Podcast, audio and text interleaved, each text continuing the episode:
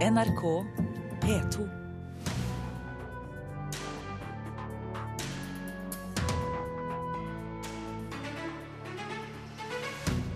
Ny strømmetjeneste for bøker lar deg lese så mange bøker du vil, så lenge du vil. Forfatterne er bekymret. Mats Austdal debuterer som Per Gynt ved Gålåvannet i kveld. Og Fredagspanelet diskuterer Kunstakademi i Nord-Korea, nordmenn i Hollywood og tullepop. Velkommen til Kulturnytt i Nyhetsmorgen med Ugo Fermariello i studio i dag. Forlaget Cappelen Dam lanserer landets første ubegrensede strømmetjeneste for bøker, sammen med svenske Storytel. Tjenesten tilbyr eh, folk å skifte fra lydbok til e-bok når det passer, og 20 000 titler er tilgjengelig. Leder i Forfatterforeningen frykter at dette kan føre til at forfatterne tjener mindre, men i går ble den nye ordningen uansett lansert. Den er eh, ekstremt brukervennlig. Altså Dette er jo lydbokversjonen. Den uh, lyd- og e-bokversjonen som kommer nå, da, den er litt annerledes, men den ligner veldig mye. Like tilgjengelig som den her, da. Det er ikke til å legge skjul på at eh, digital direktør i Cappelen Dam, Øystein Wahl, er fornøyd med resultatet. Kvinnelige detektiver. Så her prøver vi å, å på en måte sortere litteraturen på litt andre måter enn de, de litt kjedelige kategoriene som vi har uh, fra før. da populære titler, lest med nordnorsk dialekt. Til tross for at Wahl selv er fornøyd, har Cappelen Dam allerede blitt kritisert av andre forlag for at dette gir dårligere forhold for forfatterne.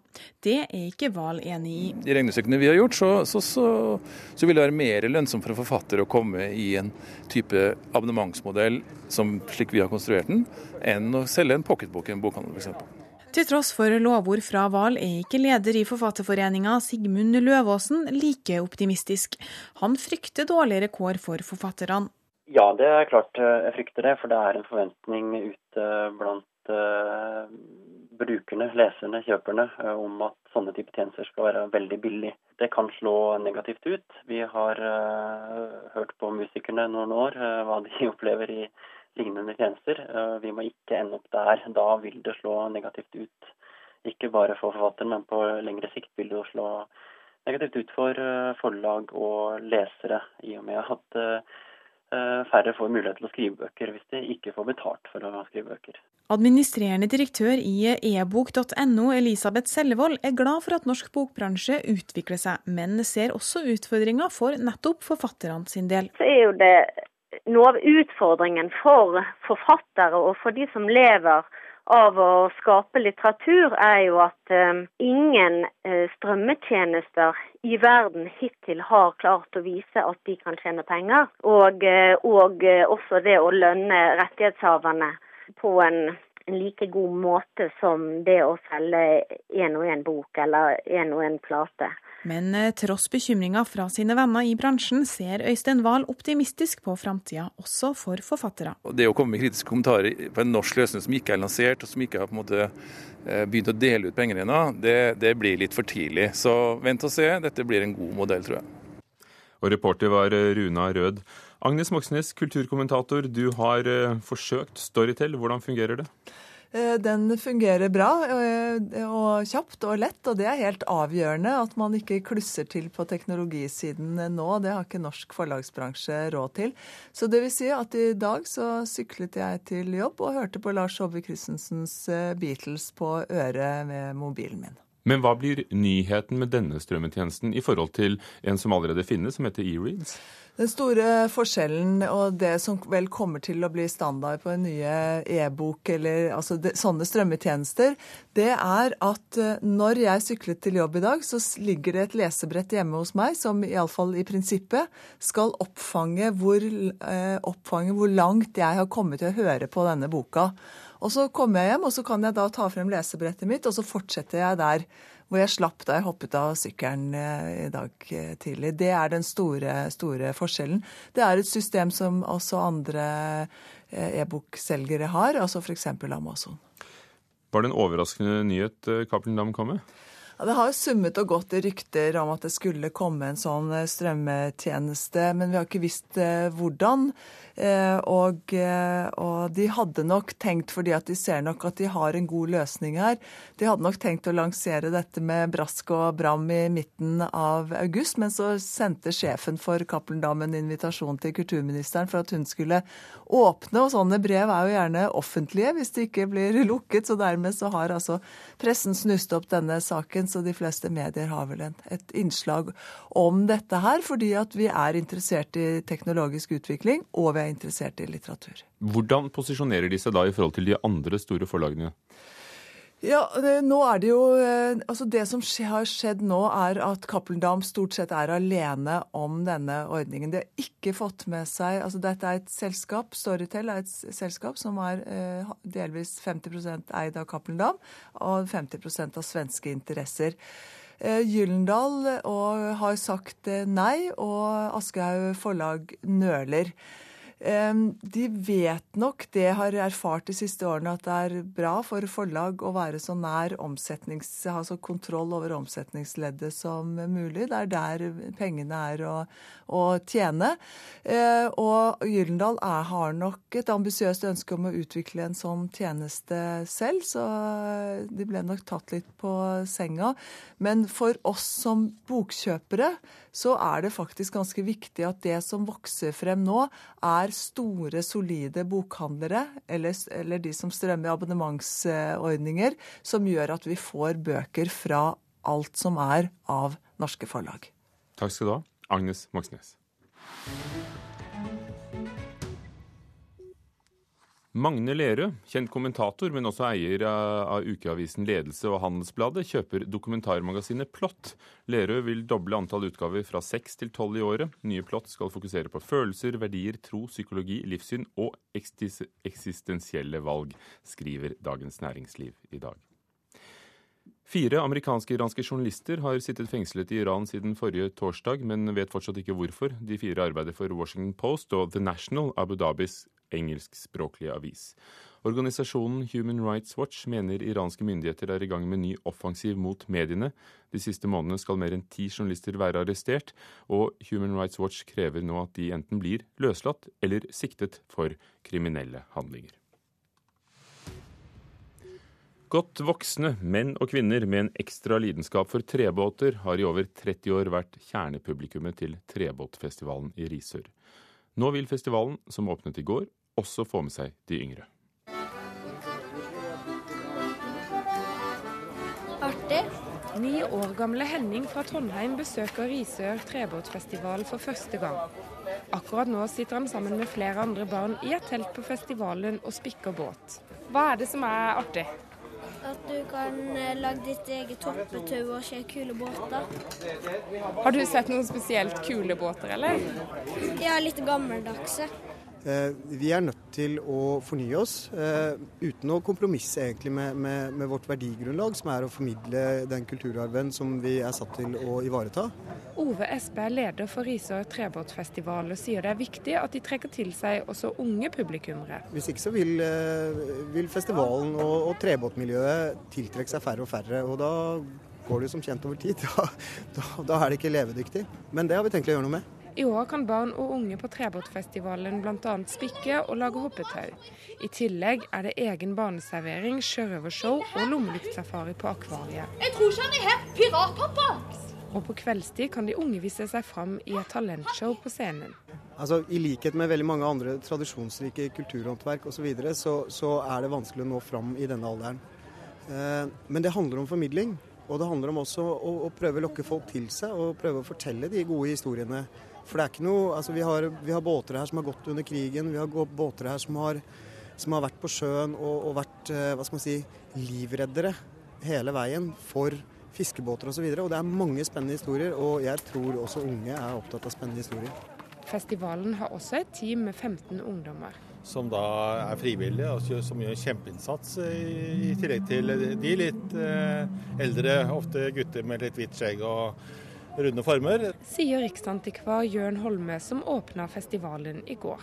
Eh, kystkultur er jo på sett og vis opplevelsesrommet fremfor noen i Norge. Eh, ungdom er glad i båter, eh, raske båter. Eh, men å lære ungdommen livets eh, riktige harmoni, som en trebåt eh, innebærer både synet og lukten, lyden av årer og lyden av seil, det tror jeg er veldig viktig. For eh, det som er viktig for Norge, spesielt nå i grunnlovsjubileet, vår kystkultur, det er vår fortid, det er i dag, og det er også vår fremtid. Og Trebåtfestivalen i Risør varer til 2. august. Reporter Miriam Grov. Klokken er 13 minutter over åtte. Du hører på Nyhetsmorgen i NRK. Våpenhvilen mellom Israel og Hamas har inntrådt, og den skal vare i tre døgn. En tredel av spesialundervisningen i grunnskolen utføres av personer uten lærerutdanning. Unge menn drar fortsatt fra Norge til Syria for å krige, ifølge PST. Og senere her i Kulturnytt møtes Fredagspanelet. Men først skal vi til Gålå, når Per Gynt ved Gålåvannet i Gudbrandsdalen har sesongpremiere for 25. gang i kveld, er det en helt ny drakt, bokstavelig talt. I år er det nye kostymer, ny scenografi, nytt musikalsk uttrykk, ny regissør og nye skuespillere. Mats Austdal har overtatt rollen som Per Gynt, og Erik Ulsby har arvet regien. Reporter Madeleine Cederstrøm møtte dem begge etter generalprøven i går kveld. Bøygen er ikke gal! Slå! Bøygen slår ikke. Kjemp, du skal!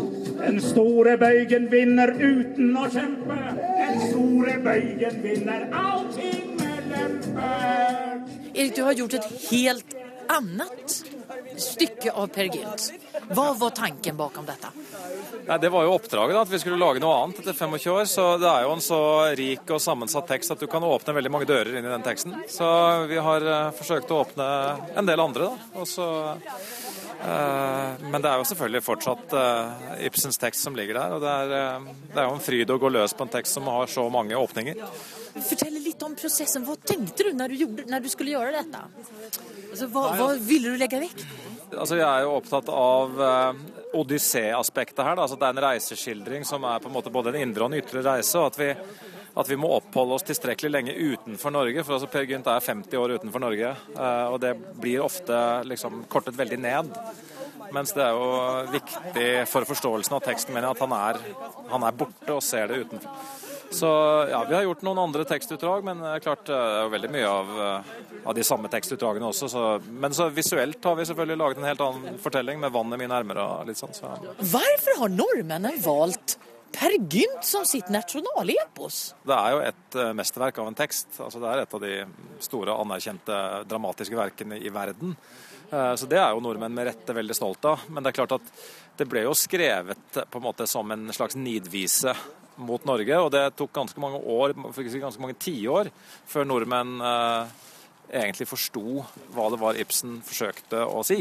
Hvordan syns du at det her gikk, Mats? Ja, dette må vi være fornøyd med. Ja. Så jeg syns det har gått kjempefint. Det er første møte med publikum. Eh, og for, for, meg så er det første møte med publikum ute noen gang, så det var veldig gøy. Men elsker nordmennene å, å, å se ned på seg selv også? Var litt forbannet på seg selv, eller? Ja, de liker nok å se seg selv, ja.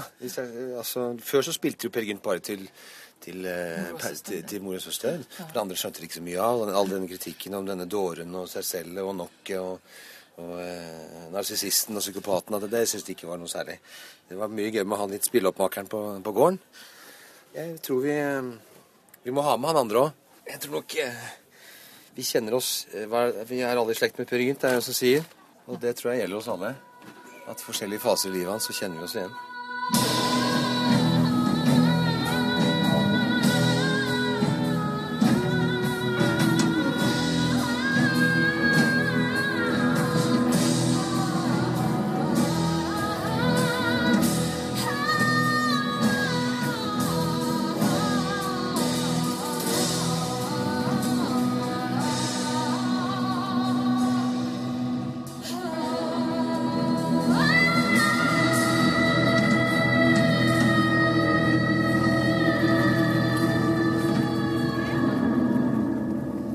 Solveigs nye sang eh, til slutt eh, ved Gålåvannet, der det er premiere på Per Gynt i kveld. Reporter Madeleine Cederstrøm møtte Erik Ulfsby og Mats Austdal etter generalprøven. Fredagspanelet er samlet. Velkommen til Kulturnytt. Inger Merete Hobbelstad, kommentator i Dagbladet. Hei. Arild Rønsen, redaktør av Puls. Hei, hei. Og Vidar Kvalshaug, forlegger. God morgen. God morgen. Første spørsmål. Kunstner Henrik Plakt planlegger et kunstakademi i Nord-Korea sammen med eh, sin kollega Morten Tråvik. Dette hørte vi om i Kulturnytt tidligere denne uken. Landet er som kjent eh, karakterisert som verdens verste diktatur. Bør vi samarbeide med Nord-Korea? Ja, under tvil. Nei. Ja. Hvorfor det? Jo, fordi at eh, hvis vi skal begynne å, eh, å gradere land, nasjoner, på den måten, si dette er enda verre diktatur enn det andre, så er vi ute og sykler. Fordi at eh, i prinsippet så er ikke Nord-Korea noe annet enn Kina. Akkurat samme styresettet. Kommunistpartiet styrer alt. Og jeg er også sånn at jeg er motstander av, av å boikotte Israel. Selv om jeg misliker sterkt det de gjør. Jeg tror at det er ålreit å snakke sammen. Det er mye bedre enn å isolere enkelte land. Eh, Jeg syns ikke dette er et lett spørsmål, men eh, det er noe med de kunstprosjektene til Morten Tråvik som har involvert eh, nordkoreanere og brukt dem ved at de fremførte Take On Me osv. De har alltid gitt meg en litt vond smak i munnen. Det kan godt hende hensikten der er det beste, men jeg har alltid opplevd dem litt manipulerende. At det er litt sånn, nesten noe litt sånn freakshow over det. Se hva som skjer hvis vi tar disse isolerte eh, menneskene og plasserer dem med disse liksom for norske liksom vel, nordmenn liksom velkjente rollene. Han fikk f.eks. nordkoreanske barn til å synge egne revisninger. Ja, for, Et for, eksempel. for eksempel. Eh, og dette har noe av den samme eh, smaken for meg, pluss at jeg tenker at jeg har vanskelig for å se for meg at, dette, at det å samarbeide med regimet om noe sånt, for man er jo avhengig av å samarbeide, at det kan komme noe egentlig godt ut av det, og at man kan utøve dette så fritt som man burde. Altså, Kontakt med Nord-Korea er, er vel og bra, men jeg syns det er noen sammenfiltring her som eh, er litt uheldig, og som jeg tror kommer til å gir hele prosjektet en litt vond bismak. Ja, jeg vil jo gjerne, tror jeg da, at eh, sånne ting som kunst og kultur kan eh, forene, skape forståelse og lage en bedre verden. Den gamle devisen der. Men det er klart at uh, Tråvik har vært eh, betydelig uklar på en hel del ting eh, rundt de andre prosjektene sine. F.eks. hvorvidt det finnes et diktatur, og hvorvidt det finnes fangeleirer osv. Jeg tenker at det er ikke et krav at han skal, at han skal få vaska seg politisk, men, men jeg etterlyser en, en litt overbygning over det han driver med, egentlig. Altså, så jeg er litt sånn litt i tvil. Og det kan vel sies at kunstnere i Kina har en større frihet til å uttrykke seg, tross alt. Og nå er ikke Kina her for å forsvare seg, som vi alltid sier i debatter. Enn i Nord-Korea. Det, det, det er ganske sikkert riktig, men, men, jeg, men jeg lurer på hvor, hvor man skal sette den grensa hen. Og som, også som grunnleggende sett da, så har jeg tro på at det er bedre å snakke med folk enn å ikke gjøre det. Eh, Jeg har sett eksempler på den kunsten som lages i Nord-Korea i dag. Det er lykkelige arbeidere som spaserer lykkelig ut i en solnedgang etter en fin dag på fabrikken. Eh, Mer av slikt? Altså, Diktaturet fremmer jo kitsch, det er jo velkjent. Eh, altså, Du får jo alltid sånne naivistiske Det er som å se illustrasjoner i en barnebok eh, som regel, når du ser den kunsten som produseres eh, eh, av et eh, diktatur. Og, fordi propaganda og kunst er rett og slett en veldig dårlig kombo. Det fins faktisk eksempler på Det var noen sånne utrolig vakre nazistiske propagandaplakater som plakater som ble laget i Norge under krigen av noen veldig gode illustratører med noen sånne lekre linjer og nesten sånn mellomkrigsaktig eh, schwung over det. Men hvis man skal begynne å snakke om innholdet, så er det har propaganda det med å forenkle, og kunst har det med å forvanske. Og det er jo en av eh, Det var ikke mye feil med russisk kunst i 1917? var det? Det var ikke det. Og det, spørs jo også om, om kitsch er med å fremme diktaturer. Det, det, det må vi jo se på. Men, men tingen med, med Plagt og, og Tråviks eh, greie er at vi får aldri helt se kunsten bak det. fordi Nord-Korea vil alltid stå og dirre øverst på skjermen. Og det vil være så problematisk gjennom de neste prosjektene også at vi, vi vil ikke kunne bedømme dette som kunst på fritt grunnlag. Det vil vi ikke. Skal vi ta nytt spørsmål? Tre norske skuespillere har roller i storfilmen 'Hercules', som har premiere denne uken. I USA eh, virker regissører som Tommy Wirkola, Harald Svart og Morten Tyldum. Spørsmålet er er vi inne i en norsk gullalder i Hollywood. Ja, ja, ja. Ja. Siden Norges største ekspert sitter ved siden av meg, så må jeg, må jeg nesten si ja. Eh, Da begynner vi med det du kalte Norges største ekspert. Eh, Vær så god, Inger Merete Holmstad. Ja, nå følger jeg meg i hvert fall inn i en gullalder her, som får, eh, for den typen karakteristikker. Eh, nei, men altså med visse forbehold. Altså, det er jo altså, Er det et sted hvor det er høye bølgetopper og dype bunner, så er det jo Hollywood. Og Vi har lest norske aviser nå, og de tre spiller hovedrollene ikke sant, i Hercules. ja, det er han store, massive Dwayne Johnson som står og skygger for alle andre. Han er ikke noe å bry seg om Dam. Han er, uh, han er bare en uh, skikkelse som de bare har plassert der. Nei da, men det er en interesse for det skandinaviske og for skandinaviske skuespillere i Hollywood om dagen. Det, det er det, og det bidrar til at folk får, får muligheter. det har litt med å gjøre at du ser skandinaviske skuespillere har slått igjennom i Game of Thrones, for det er behov for skuespillere med den typen utseende. For et par år siden var det veldig populært å bruke svensker som skurker i store blockbustere, som sikkert har litt å gjøre med at da kan du finne en sånn fyr med en eksotisk aksent og gjøre ham til slemming uten å bli beskyldt for å være rasist eller eh, kulturell stereotypisering, som du veldig fort gjort, hvis, gjør hvis vedkommende er eh, kineser eller russer eller araber eller somalier eller noe sånt. Um, og, og, dette er jo klart at det skaper jo store muligheter for, uh, for våre folk, men så er det Altså, så er det, men så er det noe du er egentlig bare så god som de neste film også. Da. Det må jo generere en videre interesse. Det er veldig liten tålmodighet hvis noe går galt hvis du ikke trekker publikum. Nå har jo både Tobias Santelmann og Aksel Hennie, som spiller Hercules, har nye prosjekter i USA nå, så det blir spennende å se hva som skjer med det. Jeg syns jo dette er veldig veldig gøy, da, selv om vi hele tida får fortalt at enhver birolle er vesentlig over én side i Dagbladet, én side på, på Nettavisen osv. hele tida. Eh, så du kan jo få inntrykk av at det er mye mer enn det er. Men, men enhver kunstner som klarer å sprenge seg litt ut av sitt uh, eget land, sitt eget språk og kanskje sin egen form, skal jeg virkelig heie på. Så jeg syns dette er gøy. Jeg så i dag i Klassekampen at, uh, at, det var en av norske skuespillerne som sa at det å, å spille inn den filmen var som å gå på anabole steroider hele tida. For alt var så innmari svært og innmari digert der. Så jeg kan jo skjønne at for skuespillerne så må det jo være kjempemorsomt. Et skikkelig kick. Men jeg eh, noterer meg samtidig at den, at den norske kvinnelige hovedrolleinnehaveren Ingrid Bås Verdal? ja, hun sier, hun, sier, hun sier, uttaler det at hun, hun, kan ikke tenke seg å, liksom, å, å fighte for et liv i Hollywood som skal gå fra audition til audition og få nei. Da vil hun heller være hjemme. Det syns jeg høres veldig fornuftig ut. Og så er det jo verdt å legge merke til at biroller i sånne type blockbustere som dette her, det spilles av to typer skuespillere. Det er de som er på vei opp, og de som er på vei ned.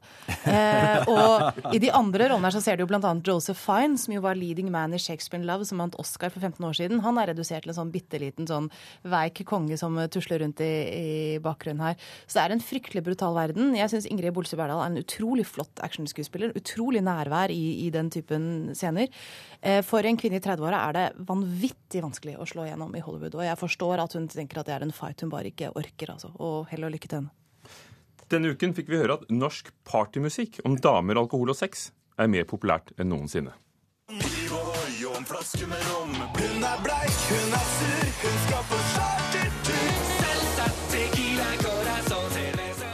Dette er eksempler, og denne musikken topper hitlistene og har flere millioner avspillinger på de diverse strømmetjenestene. Har tullepop overtatt for god norsk musikk, Vidar Kvalshaug? Nei. Inger Merete Hobbelstad? Nei. Ari Rønsen? Ja. Men har ikke folk alltid hørt på slagere? Jo, eh, men det er forskjell på slagere også. fordi at, eh, og, jeg lar meg ikke opprøre av denne musikken. Og jeg syns det er mye, do, mye, dum kritikk av at de synger om damer og sex og alkohol. Og, altså det er bare å ta en titt på alle hiphop-videoene fra statene de siste 20 åra, så er det mye mer utfordrende i alle mulige sånne sammenhenger. Men, men, eh, men den musikken som vi hørte biter av nå, det er jo egentlig bare Den er sånn gjennomsnittlig Grand Prix-musikk. Som du ser, brun og blid, vi skal vinne Grand Prix. Og det er, altså det, er, det, det er, ganske dårlig musikk, rett og slett. Og, men, men, dette henger jo sammen med at strømmetjenestene nå, som har helt overtatt uh, musikkmarkedet, er jo i all hovedsak fortsatt brukt av ungdom, og veldig ung ungdom. Så ned fjortiser fra fjortiser til russelue som hører på det. Og det gjenspeiler nå hitlistene. Og det er sånn det er. Men jeg, men jeg hadde jo vært veldig lei meg, rett og slett. Altså, hvis jeg var uh, Marit Larsen eller Marion Ravn eller, uh, eller uh, Bjørn Eidsvåg, som, som, ikke fins på hitlistene lenger pga. disse her tullegutta. Dette kan jo du skrive kronikker om, Rønsen, og det gjør du. Så nå skal dere få slippe til. Ja, Rønsen er jo en gammel rev. Han har jo hørt hits siden før Inger Merete og jeg ble født. Så han vet jo veldig godt at det har, alltid, det har alltid vært hits om sprit, damer og sex. Eh, men det har ofte vært utført av sånne harrytulleband som Vassendgutane og, og Postgirobygget. Så, sånn at dette er jo egentlig bare å ta det litt videre. Og det er klart, for de som liker musikk så, som, som kunstform, så er ingenting endra. Dette er intet nytt. Altså, det, Musikk har jo så mange funksjoner, eh, og det har alltid jo vært behov for musikk som bare har som funksjon å gi full russ eh, en eh, rytme og et eller annet sånt nonsensvers de bare kan sånn halvveis jobbe med til. Og altså, da, da jeg gikk på ungdomsskole og videregående, sånn, så var det jo The Ketchup-song og Macarena og sånn, og så fins det noe mer sånn totalt blottet for innhold, musikk i verden. Men disse, sin- disse sangene har jeg hørt deg ha på iPoden. Macarena Possi og begge bildet her nå.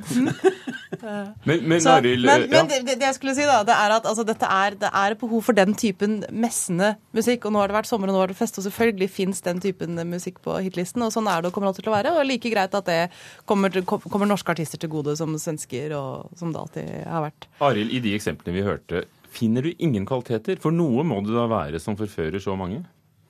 Jo, altså som Inger Merete var inne på, Macarena hadde jo også altså, Det er jo mystisk ikke-musikk, egentlig, men den har jo en sånn suggererende kraft i seg. Og det er det som driver disse sangene. Som er sånn at du, du lærer Du kan det refrenget før du har hørt den første gangen. Og det er faktisk en liten kunst å få til. Men, eh, men eh, hvis jeg skal vurdere det opp mot det som jeg vil kalle for god popmusikk, så er det ikke det, det, er ikke i nærheten.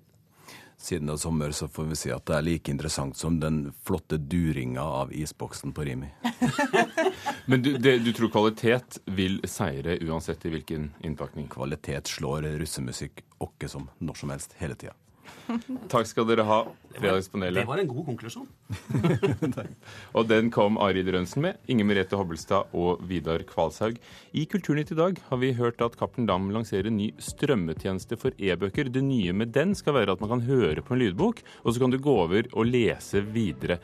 Og vår kommentator sier at det viktigste blir å være lett tilgjengelig, og at teknikken virker for den som skal vinne det digitale bokmarkedet. Og så møtte vi også eh, Erik Ulsby og Mats Austdal, som eh, er de nye kreftene på Per Gynt på Gålå som har premiere i kveld. Dette kan du høre på radio nrk.no. Kulturnytt var ved Hanne Lunås, teknisk ansvarlig, Thomas Alverstein Ove, produsent, Ugo Fauer Mariello, programleder. Og nå noen ord fra en som vi ofte hører nettopp her i Fredagspanelet.